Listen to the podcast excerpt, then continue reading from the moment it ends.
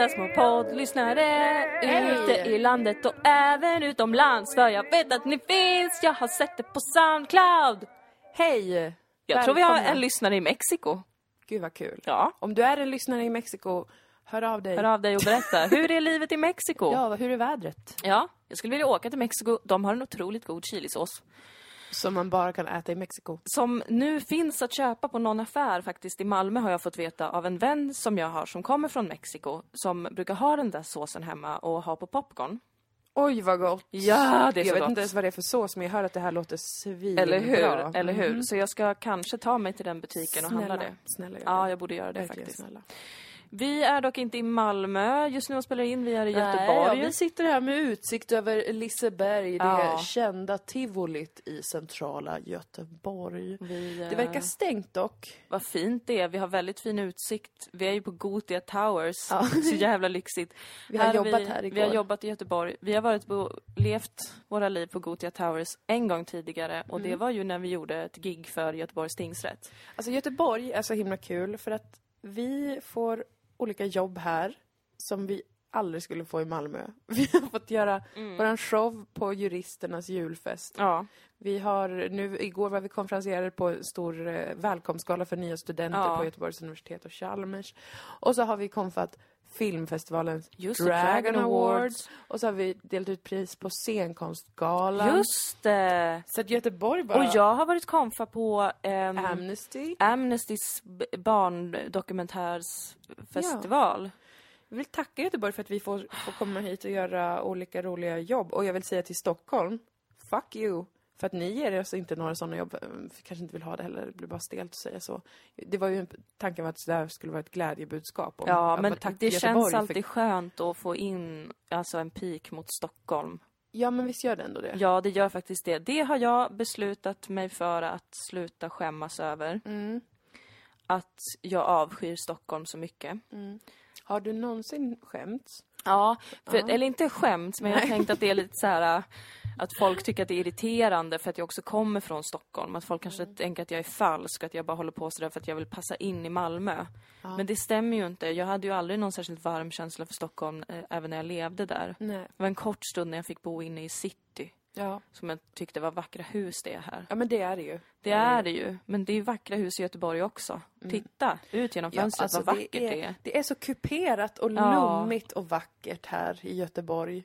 Jag älskar fan Göteborg. Men gud vad jag saknar Malmö. Ja, jag saknar också Vi har Malmö. varit i Stockholm jättemycket nu i september. Vi ska fortsätta vara i Stockholm Ja. ganska mycket i september för att fixa olika jobbsaker. Och jag menar, Med risk för att låta som en stockholmare så kommer jag bara ha varit hemma i Malmö totalt kanske sex dagar under hela september. ja, Alltså det låter som en stockholmare avseende att det låter som jag försöker skryta med att jag har så mycket jobb. Och det försöker jag väl lite också för det är ganska...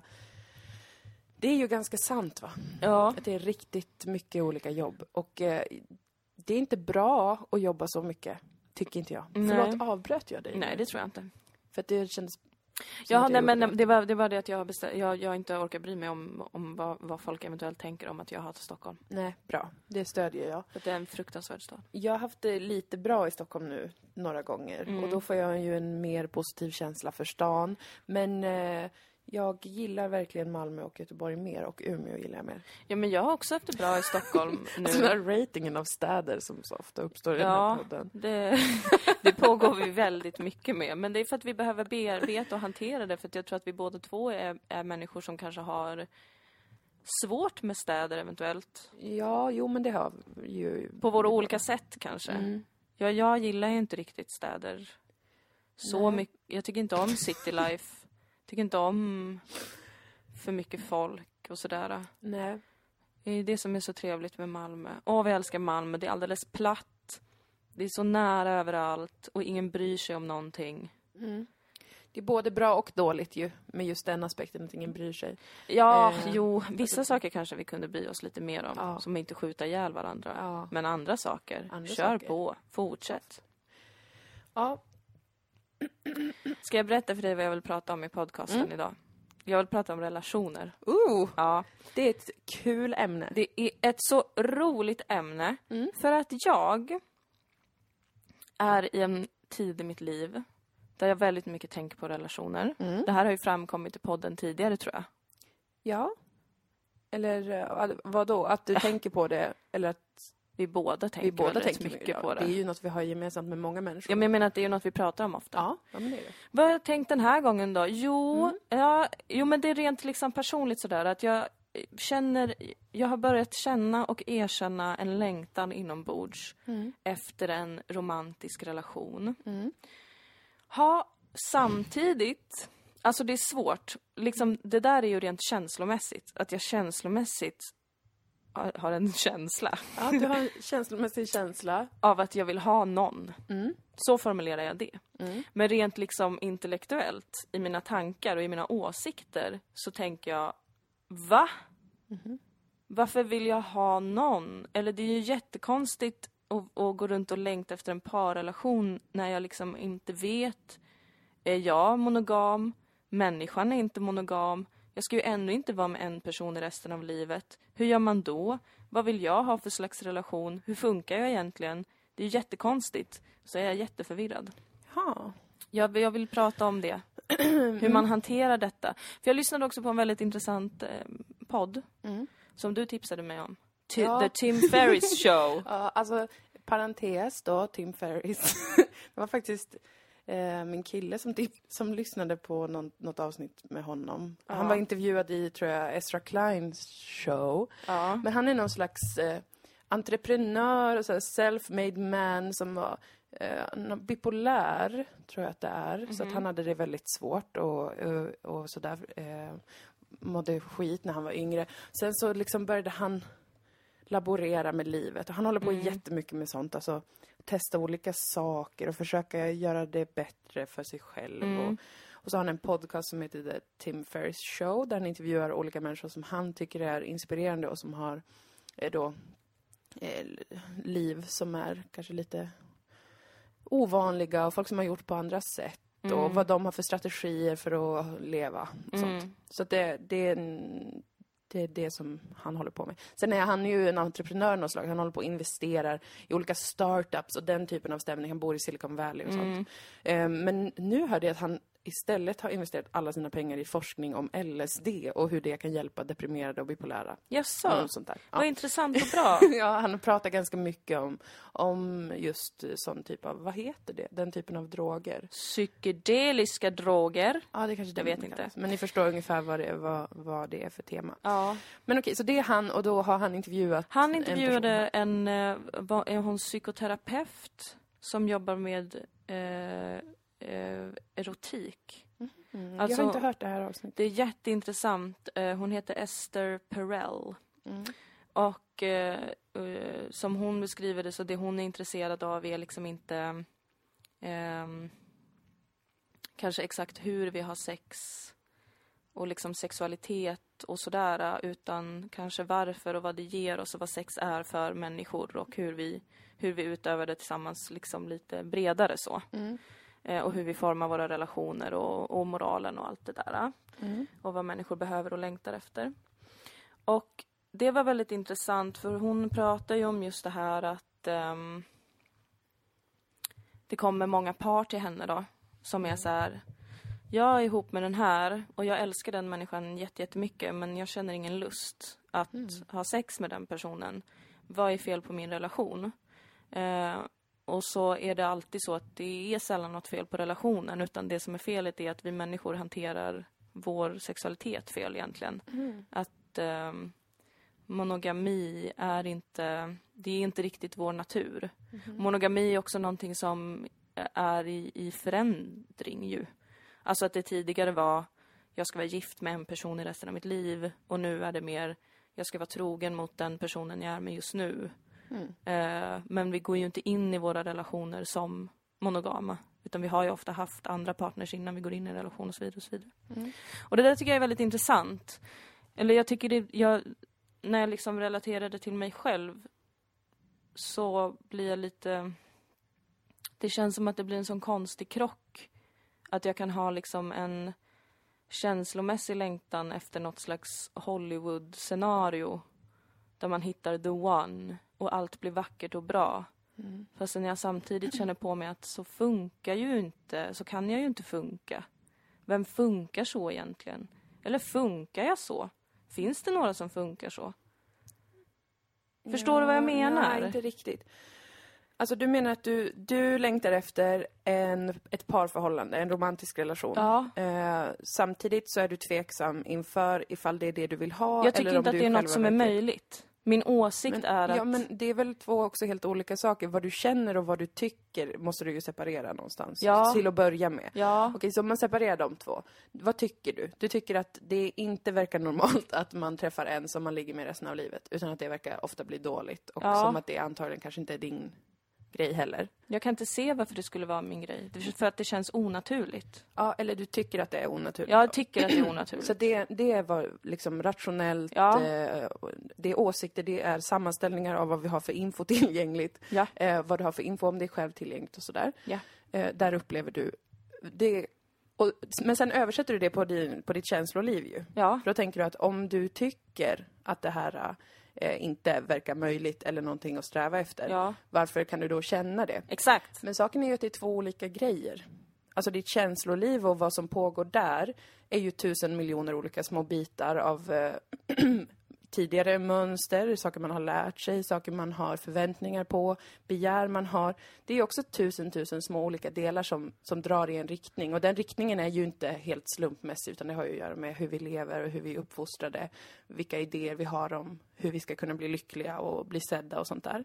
Men jag tror bara inte att det går att, eller liksom, att ta de rationella delarna, hur man tycker och vad man liksom har analyserat och sen direkt eh, lägga det på vad man därför borde känna och hur man borde känna. Nej, men det är väl det jag skulle vilja harmonisera de två delarna av mig själv. Jag skulle vilja vara lik, alltså, lika öppen känslomässigt som jag är tankemässigt, Mm. om man kan säga så.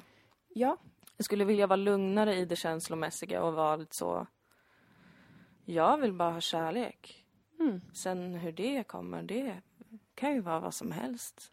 precis. För jag, jag tror eh, personligen då att de idéerna om, alltså det, det tyckandet och tänkandet Mm. kring sig själv och sina relationer, vad man förväntar sig, vad man vill ha av en partner, allt det där. Eh, alltså rent vad man tycker då, inte vad man känner nödvändigtvis. Mm. Jag tror att allt det mm, skapar kanske någon slags eller det tar väldigt mycket fokus. Det tar, och det måste ta fokus någonstans ifrån. Och då tänker jag mig att det tar kanske fokus från eh, vad man faktiskt känner för någonting. När man blir glad. För man har ju jättemycket ledtrådar, tänker jag mig, i livet.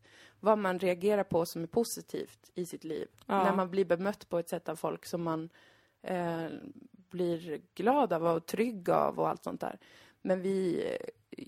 Det är svårt att fokusera på det. Det är mycket lättare att fokusera på när det inte funkar. Kanske man, har, man blir bränd av någon eller sådär. Fokuserar man skitmycket på det och så för att skydda sig mot att det känns obehagligt så börjar man eh, rationalisera kring det och analysera det. Och så blandar man ihop eh, känslorna och åsikterna om Ja. vad man ska känna.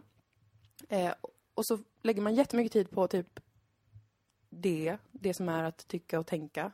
Mm. Och så tar man tid från att faktiskt försöka uppleva och fokusera på vad man känner. Ja.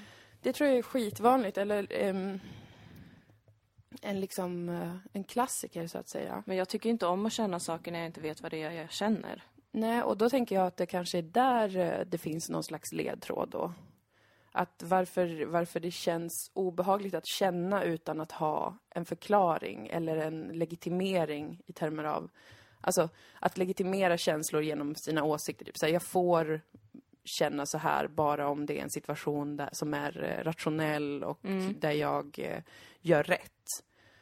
Då kan man ju tänka sig att ens känsloliv blir ganska blockerat och fyllt av spänningar kring när man känner något som inte verkar logiskt. Ja. Eller något som man vet är dumt. Man bara, men jag får inte vara kär i en sån person. Eller den är inte bra för mig. Det får inte jag. Och då tänker jag att det som blir är att det blir spänningar kring det och att man hela tiden återuppsöker exakt den situationen. Ja. Eh, och liknande. Alltså, att det går inte att tänka bort känslor helt enkelt, är det jag tror. Och jag tror att man måste ha en annan strategi för sitt känsloliv än att försöka eh, översätta det i vad man tycker. För att känslor följer ju inte den logiken. Men jag blir sur och irriterad för att jag vet inte hur mycket av de där känslorna som Jag, jag skulle vilja veta hur mycket av det som är en, en produkt av samhället som har fostrat mig. Jag vill veta hur mycket av den här eh, kärleksdrömmen som, som faktiskt bara är en, en Hollywoodsaga och hur mycket som är min natur. För att samtidigt som jag liksom rent åsiktsmässigt tycker att det är onaturligt med monogami så har jag ju full förståelse och respekt för människor som faktiskt vill vara sexuellt monogama hela sitt liv kanske med en person. För att så får man ju funka. Ja, visst. Men varför är det viktigt att förstå det? Jag tror att det är för att jag ehm, just eftersom att eh, den här känslomässiga längtan finns då Ja. så vill jag veta exakt hur jag ska gå tillväga för att få det. Ja, Jag vill inte behöva ha en sån här färdsträcka där jag går runt och känner saker. du Utan jag vill bara, okej, det funkar så och så. Det är så Ja. jag funkar. Men då ska jag leta efter det och det och det. Och så fixar jag det. Översatt så vill du kontrollera ditt känsloliv med Ja. hjälp av rationella argument. Ja.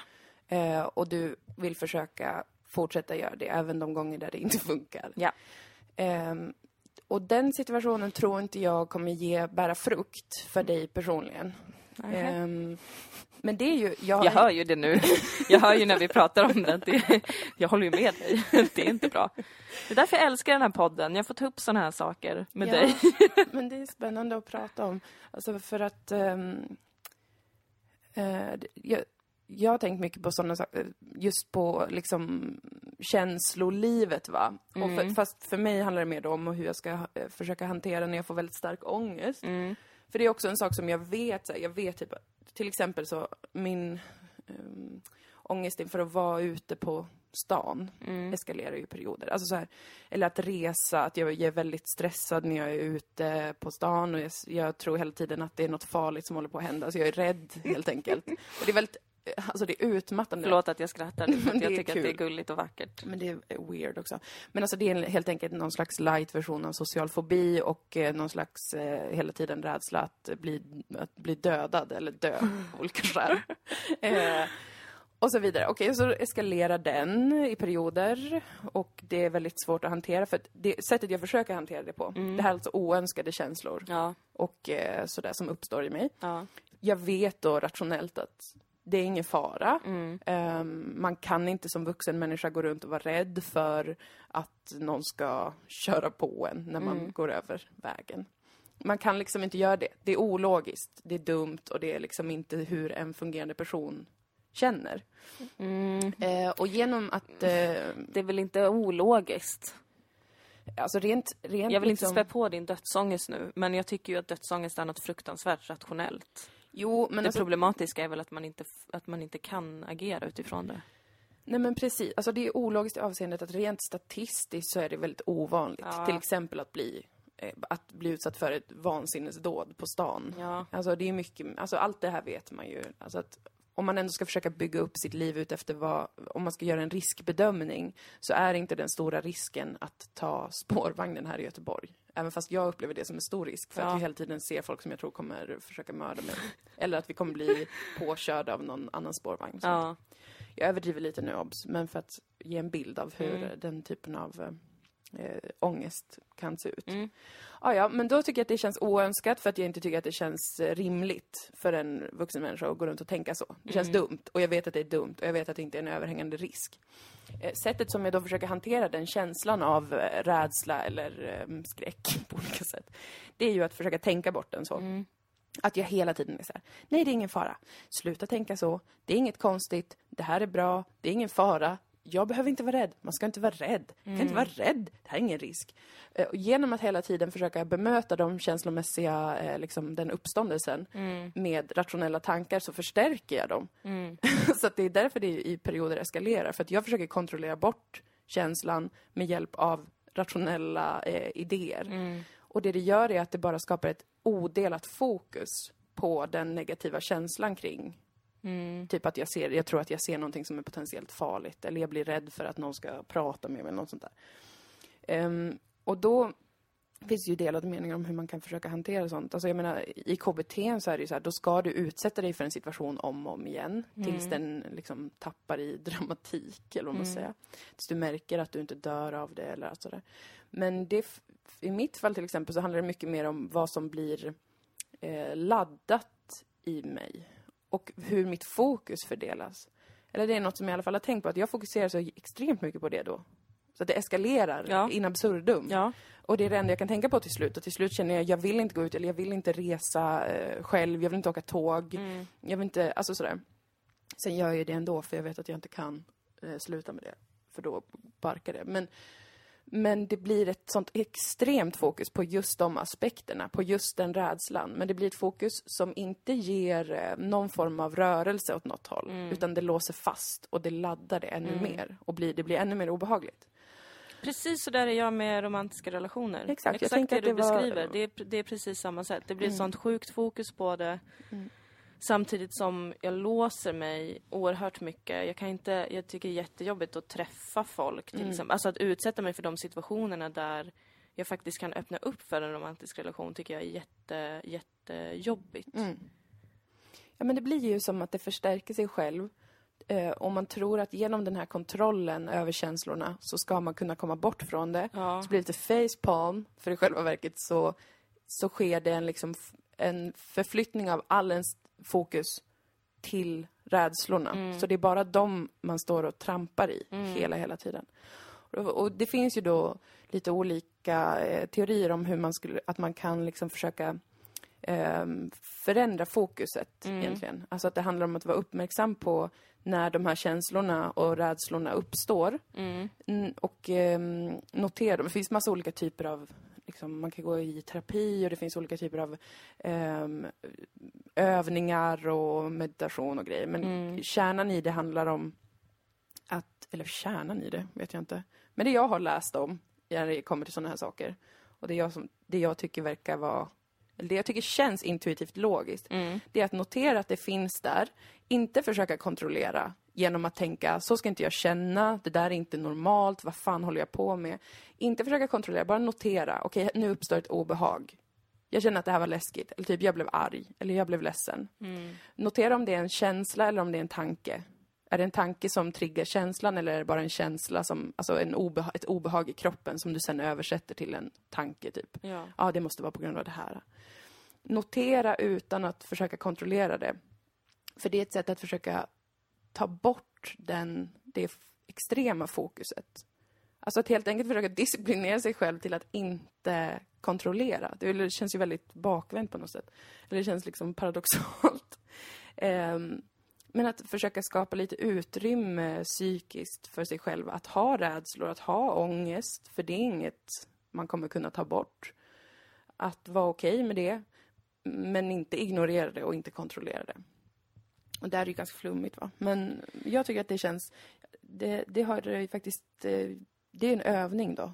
Ja. Det är att, öva på. Men jag upplever att det faktiskt hjälper mig en del att det är att försöka få lite distans till de rädslorna istället för att hugga på dem som en galen eh, hund. Ja. För jag blir tokig. Mm, man blir ju det, för att det är panik. Man sitter ju fast Ja, i fan. något skit som man inte förstår. Fy fan. Usch alltså. Det, Samtidigt som det ju är, alltså, det är ju, det är ju, jag känner mig paradoxal på det sättet för att jag är ändå en person som pågår om att jag tycker att kärleken är liksom, eh, alltså, all, va, ja, kärlek, om jag, om jag skulle,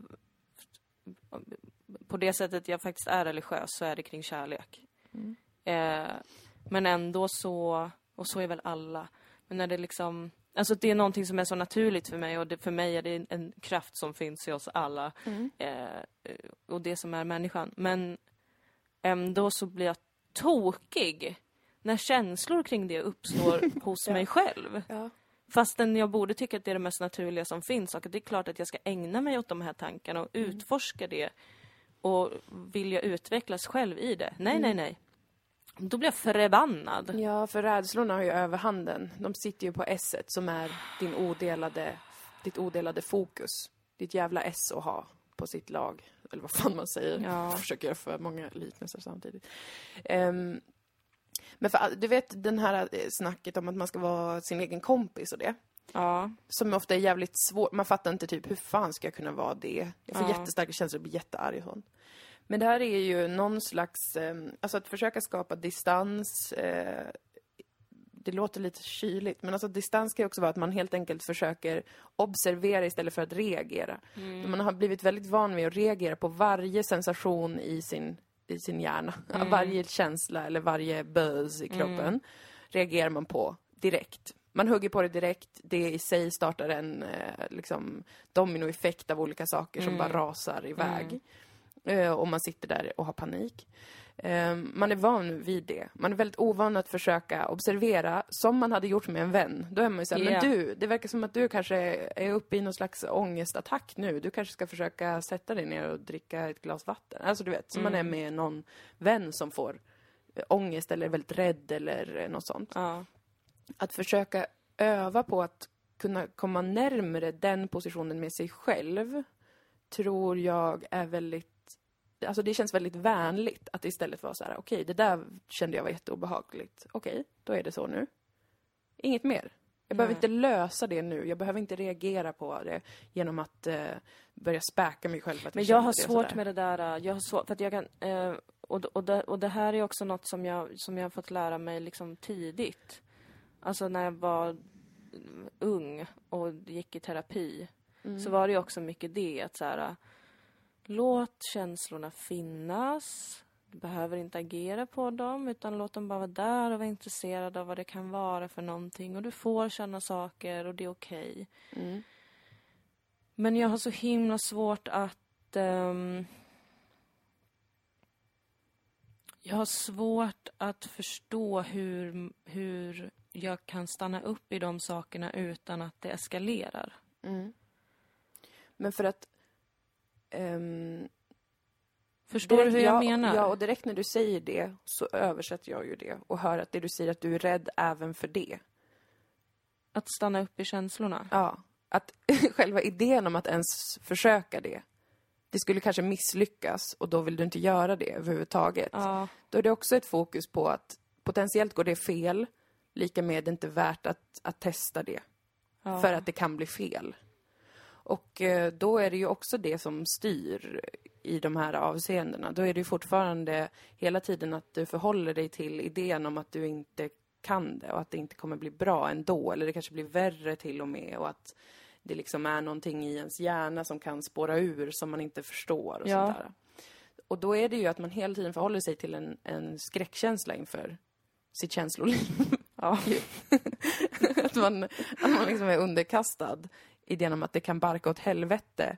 Eh, och det är ju alltså för alla personer som typ har haft eh, en depression eller haft svåra eh, pro- ångestproblem och sånt så är det ju en väldigt svår sak.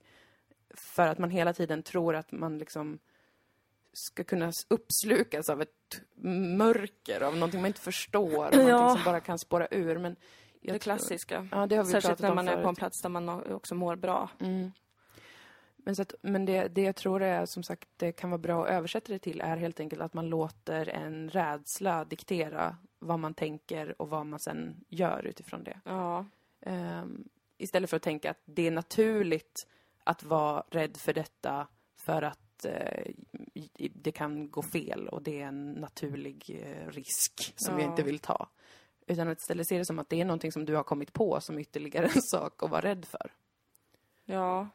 Av olika anledningar kommer man ju på Det sånt. är mycket obehag i det faktiskt. Nu när vi pratar om det så känner jag obehag. Mm. Ja, men det är riktigt obehagligt. Nej men det är jätte, det, det, det kan vara jätte, jättejobbigt. Mm. Jag tycker att det också är väldigt intressant. Samtidigt som jag ju är glad och tacksam över att jag, eh, att jag tänker på de här sakerna. Mm. Att jag ger dem tid. Mm. Sen att jag kanske inte gör rätt då. Och att jag kanske inte ens ska tänka att jag gör rätt eller fel. Nej, precis. Att det, Det inte är handlar om det annan på det sak. sättet. Men det känns som viktiga saker att fundera på i livet. Ja, jag tycker också det. Jag tycker att det är väldigt, eh, väldigt, väldigt intressant hur man har, och jag förstår, jag tänker ofta så, jag förstår inte hur jag har lärt mig att vara så reaktiv, jag vet inte om det är rätt ord, men alltså hur, hur blev det mitt eh, primära sätt att hantera oro Mm. och, och, liksom obehagskänslor? Ja. att liksom eh, hugga fast sig i dem så snabbt och börja analysera och liksom Ja. springa iväg med dem. Eh, och inte alls... Alltså hur kunde det bli det enda sättet. Det kanske någon av våra psykologlyssnare kan eh, svara på. Ja, det hade jag uppskattat om det finns några teorier kring det eller om det handlar om vad det kan handla om. För att jag tänker ju att rent liksom rationellt, återigen, att om man inte mår bra av att vara så reaktiv så borde väl kroppen ha någon slags inställning som gör att man inte är det då. Varför är det vår funktion i så fall?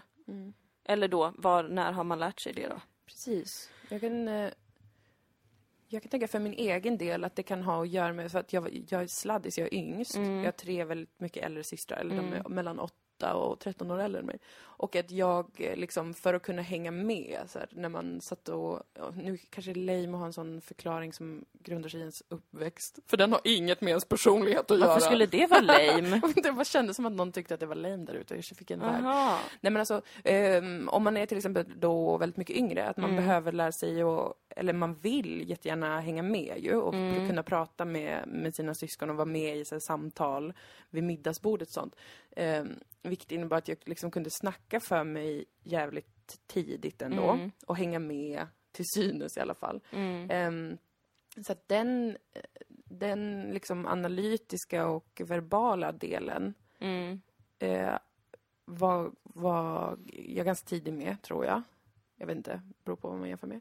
Men däremot, och då försökte jag översätta den då kanske på om jag hade ångest. Mm. Så var jag så här, ja men det är för det här, det är för det här, det är för det här. Okej, det här ska man inte ha. Man ska inte känna så här mycket ångest inför skolan eller inför det och det. Och så började den liksom stegvisa laddningen kring att ha ångest eh, på något sätt. Den, den Jag förstår inte hur den laddningen uppstod riktigt. Men jag tänker att om man Att du kan... jämförde dig med de äldre, eller vad då? Nej, men att om man kan... Eller man tänker sig kunna liksom analysera och prata kring vad man känner väldigt mycket. Ja. Ehm, Ja, och då man borde det inte att, vara några problem ju. Precis, då tänker man kanske då också att man ska kunna eh, analysera och eh, plocka isär sin eventuella då ångest eller obehag. Att man, genom att man förstår den så tänker man att den ska försvinna. Sen upptäcker man att den inte gör det och man får mer och mer panik för att man bara, "Vad fan, då är det ju någonting fel på mig. Då är jag ju sjuk, typ. Då kommer det vara så att jag inte kan ha typ ens ett normalt liv för att jag bara kommer vara deprimerad och, av oklar anledning, typ. Ja. Eh, och så eskalerar det där över tid. Men det som man har missat då, tänker jag, i efterhand, är ju på något sätt den delen som handlar om att det, ha tillåtelse, eller ge sig själv, eller få tillåtelse att ha olika känslor som inte behöver leda till en analys eller en lösning eller det ena med det Ja. andra. Alltså att bredda vad det är att känna saker. För att om man, in, om man inte Men det hur bredare- kan det, alltså jag tycker att det är så fruktansvärt sorgligt. Att vi är kännande varelser. Mm. Alltså det är ju, det, det är ju våran perk.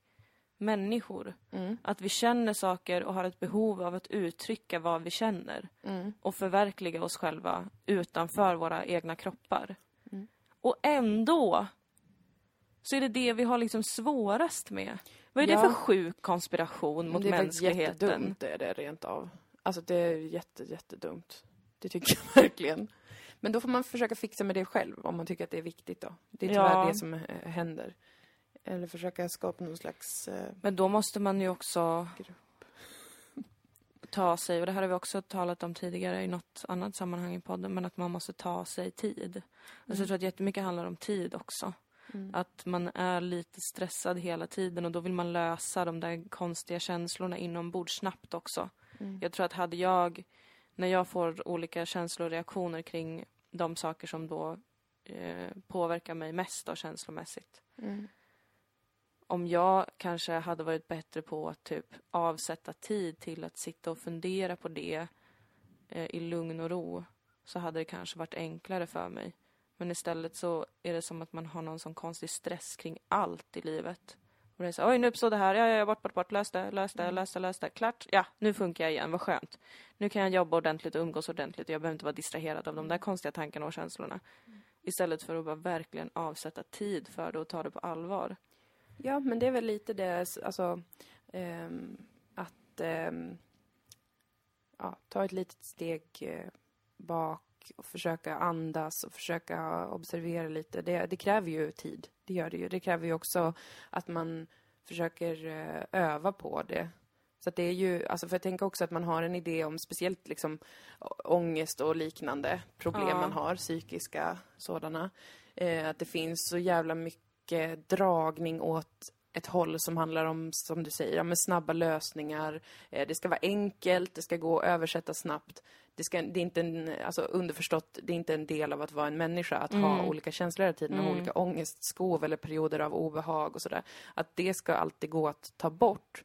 Eh, men jag tror ju att det i sig leder till att det blir mer, mer fokus inom en på det. För att det som känns sjukt och fel vill man också eh, återbesöka hela tiden. Ja. För att se om det verkligen är så farligt. Eller man hoppas på att det inte är det. Och sånt.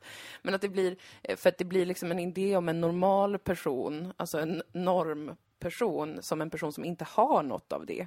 Och det är ju så jävla eh, tokigt. För att det det är uppenbarligen verkar som att de allra, allra flesta människor har jättemånga olika känslor hela tiden och problem och saker som funkar och sådär. Ehm, men att de här snabba idéerna om att man kan lösa det och sen är det över och sen lever man sitt liv fri från alla känslor och tankar om eh, någonting. D- Den är ju, så är det ju inte. Och det är ju lite bisarrt att det kan prägla så mycket eh, i ens liv. Alltså att man förhåller sig till den föreställningen helt enkelt hela tiden. Den föreställningen i sig försvårar för en att ge det tid och att vara lite vänlig med sig själv i att, ja men, det finns jätte- jättemånga saker i mig Mm. som jag kanske aldrig kommer lösa och som kanske aldrig går att göra bättre men som kanske går att förhålla sig annorlunda till om jag ger det lite mer tid helt enkelt. Oh, oh, oh. Och Prego. något som, som eh, vi har pratat mycket om och som du är bra på att checka mig med. Vad? Att inte bestämma sig för vem man är för ofta. Mm. Alltså i, och det, för det är ju väldigt lätt att göra, särskilt i de eh, känslolägena. Mm. Att man också är så här, ha, jag är så här. Mm. Helvete. Jag funkar så här. Jo, men det är ju skitvanligt och eh, där kan man ju tänka sig att det också fyller den funktionen av kontroll Ja. i att om jag bestämmer så här, okej nu har jag gjort den här, så jag har haft det här beteendet flera gånger. Ja. Okej, då bestämmer jag att jag är en sån person som inte klarar av det här till exempel. Eh, och gip- gips, Gips. vips, Ja. så har man eh, skapat sig själv en sits där man vet, eh, där man själv kanske inte riktigt kan påverka för att man ju är en sån person. Eh, så att det är också ett sätt att skapa en illusion av kontroll över sina känslor och sina reaktioner samtidigt som man avsäger sig visst liksom, utrymme, helt enkelt. Utrymme att få utforska det. För man bara, nej men sån är jag, hej då! så det, jag tänker mig att det är en illusion som bara fyller den, den funktionen av eh, att man tror att man har eh, kontroll. Och det är ju klassiskt mänskligt också. Allt detta ett är sätt. så klassiskt mäns- Vi mänskligt. hatar att inte veta och förstå. Ja, Så vi bestämmer oss. ja. Men det, är tråkigt att man blir så hämmande. ledsen. Ja, man blir så Ja. himla ledsen av att sitta fast hela tiden i olika saker som man inte förstår. Och, Ja. Ehm, ja, det, det är inte kul för en. Jag är väldigt bra på att bestämma mig för saker. Mm, du, du gillar den typen av struktur. Ja. Eh, Jag har många gånger bestämt mig för att jag är ful, och äcklig och dum i huvudet och ingen någonsin kommer älska mig. mm, det är ju en, en Och tycker att det känns bekvämt. Alltså, men då vet jag i alla fall hur det ligger till. Och det tycker jag känns jätteskönt. Ja. Och då förhåller jag mig till det. Det är mysigare än att Ja. tänka. Då flyttar jag ut i en grotta i Kaukasus och lever där då. Alltså jag behövde bara få ett svar. Jag behövde bara veta och nu när jag Ja. vet, ja, men jätteskönt Jag känner mig jättetrygg alltså. Ja. Jag hatar mig själv men jag känner mig så trygg med det. Och jag känner mig trygg med det beslutet.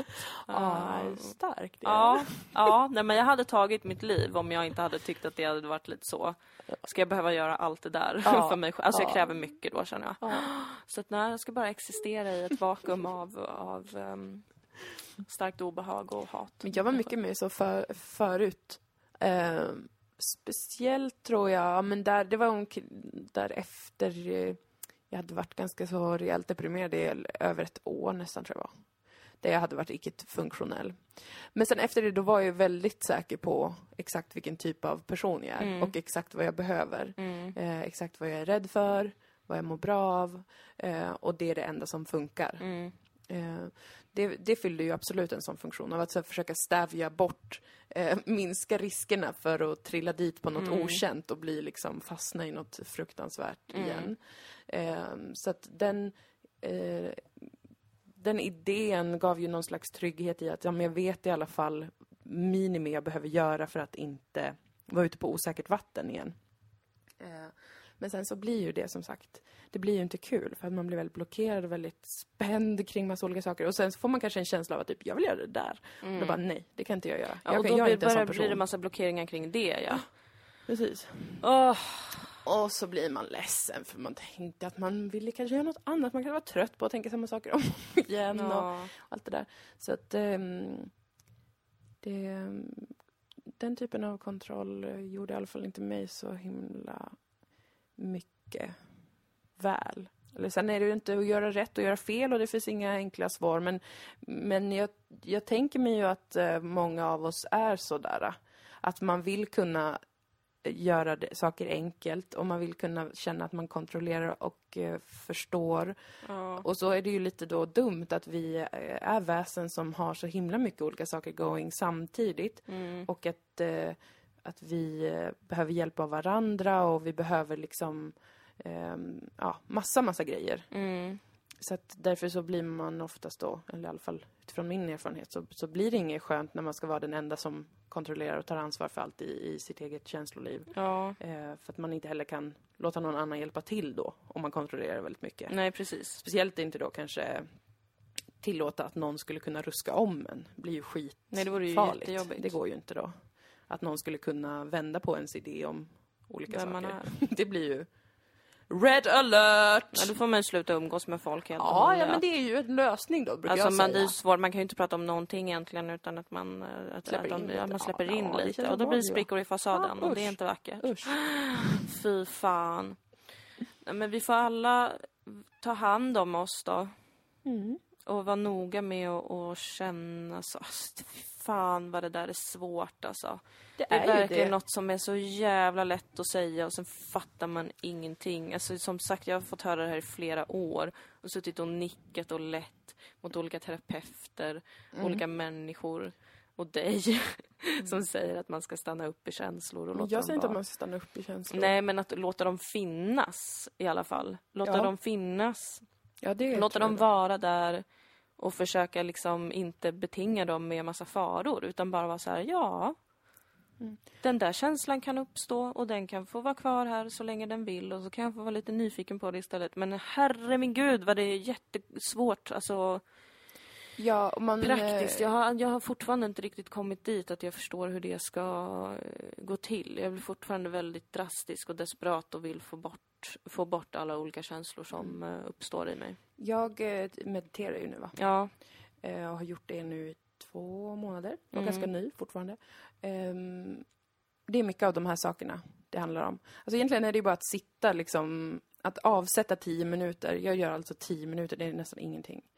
Eh, avsätta tio minuter där man eh, inte har någon distraktion. Eh, Och sen det finns ju massa olika metoder inom meditation. Jag har inte läst på så jävla mycket om det. Jag vet inte. Men själva funktionen att bara sitta tyst Ja. en, och ensam i tio minuter ehm, är jättesvårt och konstigt och liksom jag tyckte det var asfreaky. Men också så har jag tyckt att det har varit intressant för att man upptäcker lite stegvis hur mycket som finns i en samtidigt. Mm. Eh, om man försöker observera det lite mer och inte reagera på det. För det, och, och det handlar mycket om att man fokuserar på att andas och när man sitter och gör det så helt plötsligt märker man hur man tänker jättemånga olika saker. Ja. Man kanske planerar eller man ältar eller man eh, tänker på bra saker ibland och ibland på, alltså Mm. hela, hela, hela, hela tiden. Och när man börjar kunna se det lite, lite mer och inte vara exakt i det Mm. Så, så kan man börja, eller det är helt enkelt ett sätt att öva upp att förhålla sig lite annorlunda till känslor som uppstår. Mm. Och som kan vara känslor eller tankar eller triggas av det ena eller andra, bla bla. Mm. Men det är ju helt enkelt, teorin eh, där är ju så här, man måste öva på det. Ja. Det finns inget sätt att bara bestämma det och sen helt plötsligt så funkar allting. Utan på samma sätt som man har övat hela sitt liv på att reagera med stark ångest och skräck på att ha en känsla som är ovälkommen. Mm. Så måste man öva upp att förhålla sig annorlunda till eh, sina eh, oönskade då, som det ofta är, känslor Mm. eller ångest. Det, det är liksom... Det är helt enkelt att försöka öva. Och det, man blir aldrig klar, man är aldrig, det är inte att man blir en lyckligare människa, att man inte har ångest eller något sånt där.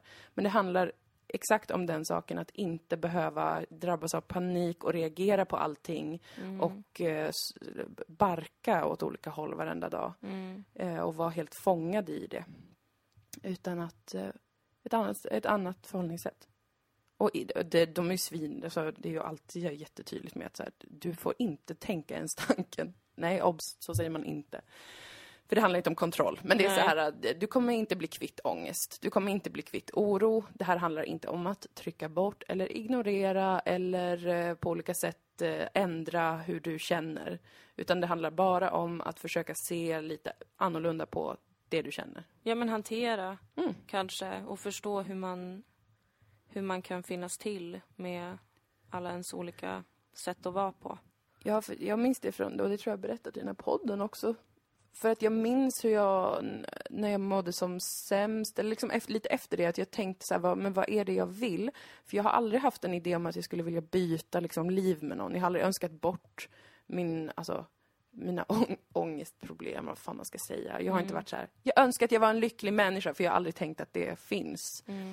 Eh, men däremot så minns jag att, jag att jag ganska tidigt tänkte så här, jag vill inte ha panik för att det, det dränerar mig eh, och det är väldigt liksom ehm, i förlängningen blir jag helt utmattad av att ha liksom jättestarka panikkänslor Mm. inför saker typ som är så här eh, små egentligen. Mm.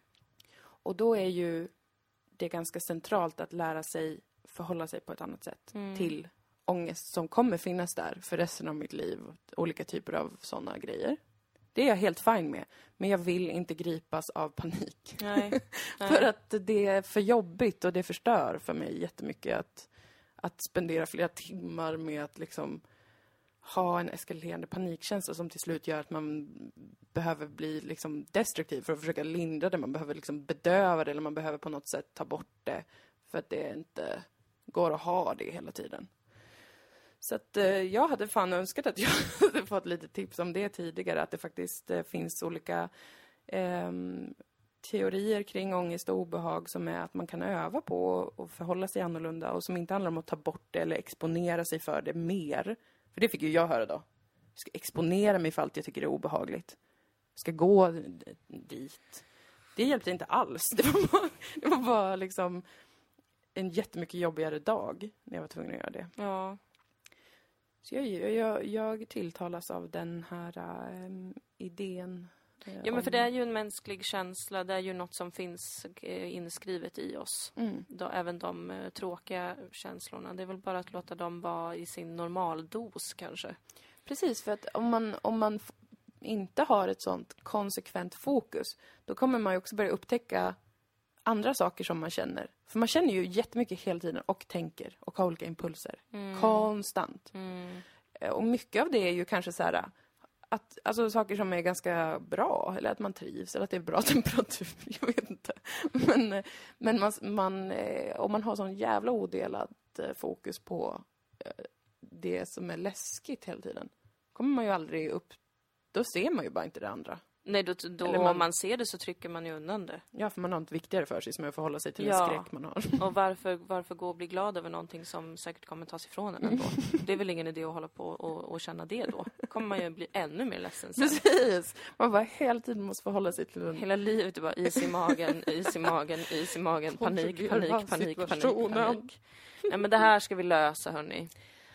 Kom ihåg, det är inget som är att lösa. Ja just det, För det går inte Just att det. göra det rätt eller fel. det går inte. Nej, Utan, men det går att ändra sitt förhållningssätt till känslor av obehag och ångest. Du kan aldrig ändra på verkligheten, Nej. bara din attityd. Ja, snyggt. Har vi sammanfattat det, ja. Ja, det knöt vi ihop säcken snyggt. Men alltså, i början när jag eh, testade meditation, Mm. då sitter man ju bara tyst så här på golvet.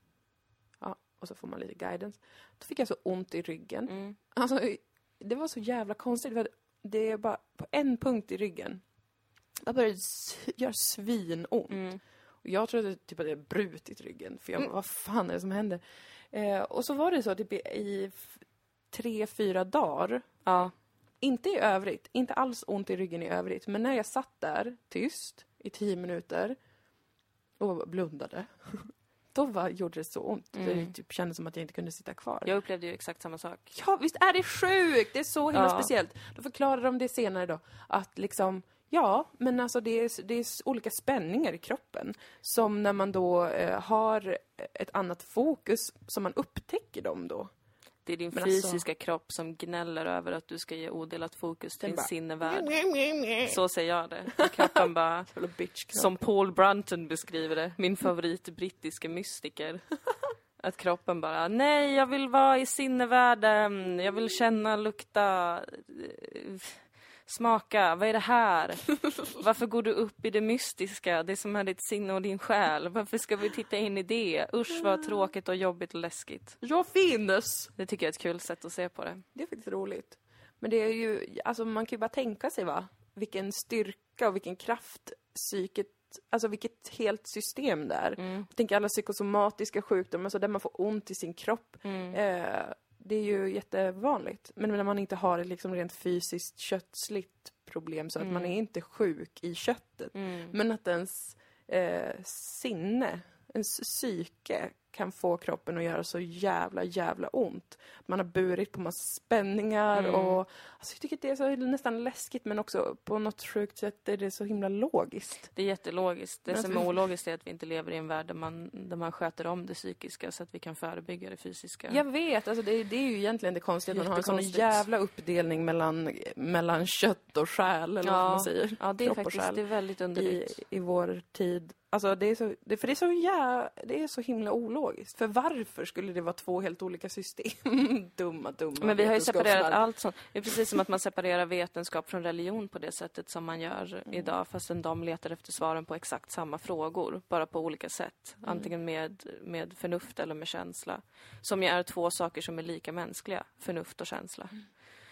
Nej, Det är väldigt konstigt. ja. Mycket dumheter.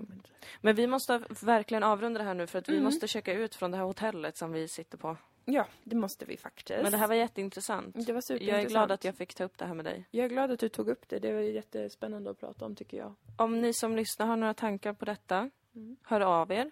Som vanligt, det är ni alltid välkomna att göra. Facebook-sidan Dilan och Moa. Eh, på Twitter heter vi dillepille och Moa Lundqvist med Yes. QV. Vi har en Instagram, Dilan Moa. Dilan och Moa på Instagram. Och sen så har vi ju då Patreon där man kan donera pengar till oss och så Mm. får man lite Patreon-exklusivt material. Lite hemligt snack. Ja, lite secret talk. Mm. Ehm, det var det som jag ville säga till er alla. Ja, vi, har, eh, vi kommer spela vår föreställning Skuld, vår improviserade Ja. humorföreställning tillsammans med eh, Tora Larsson och Elvira Lander och eh, Thomas Burström, Ja. pianist. Och även Elinor Svensson kommer Ja. vara konferencier. Detta sker i Stockholm då alltså 22 september. Yes, Teater Alma. Teater Alma, ja. Och eh, biljetter finns på juliusbiljettservice.se.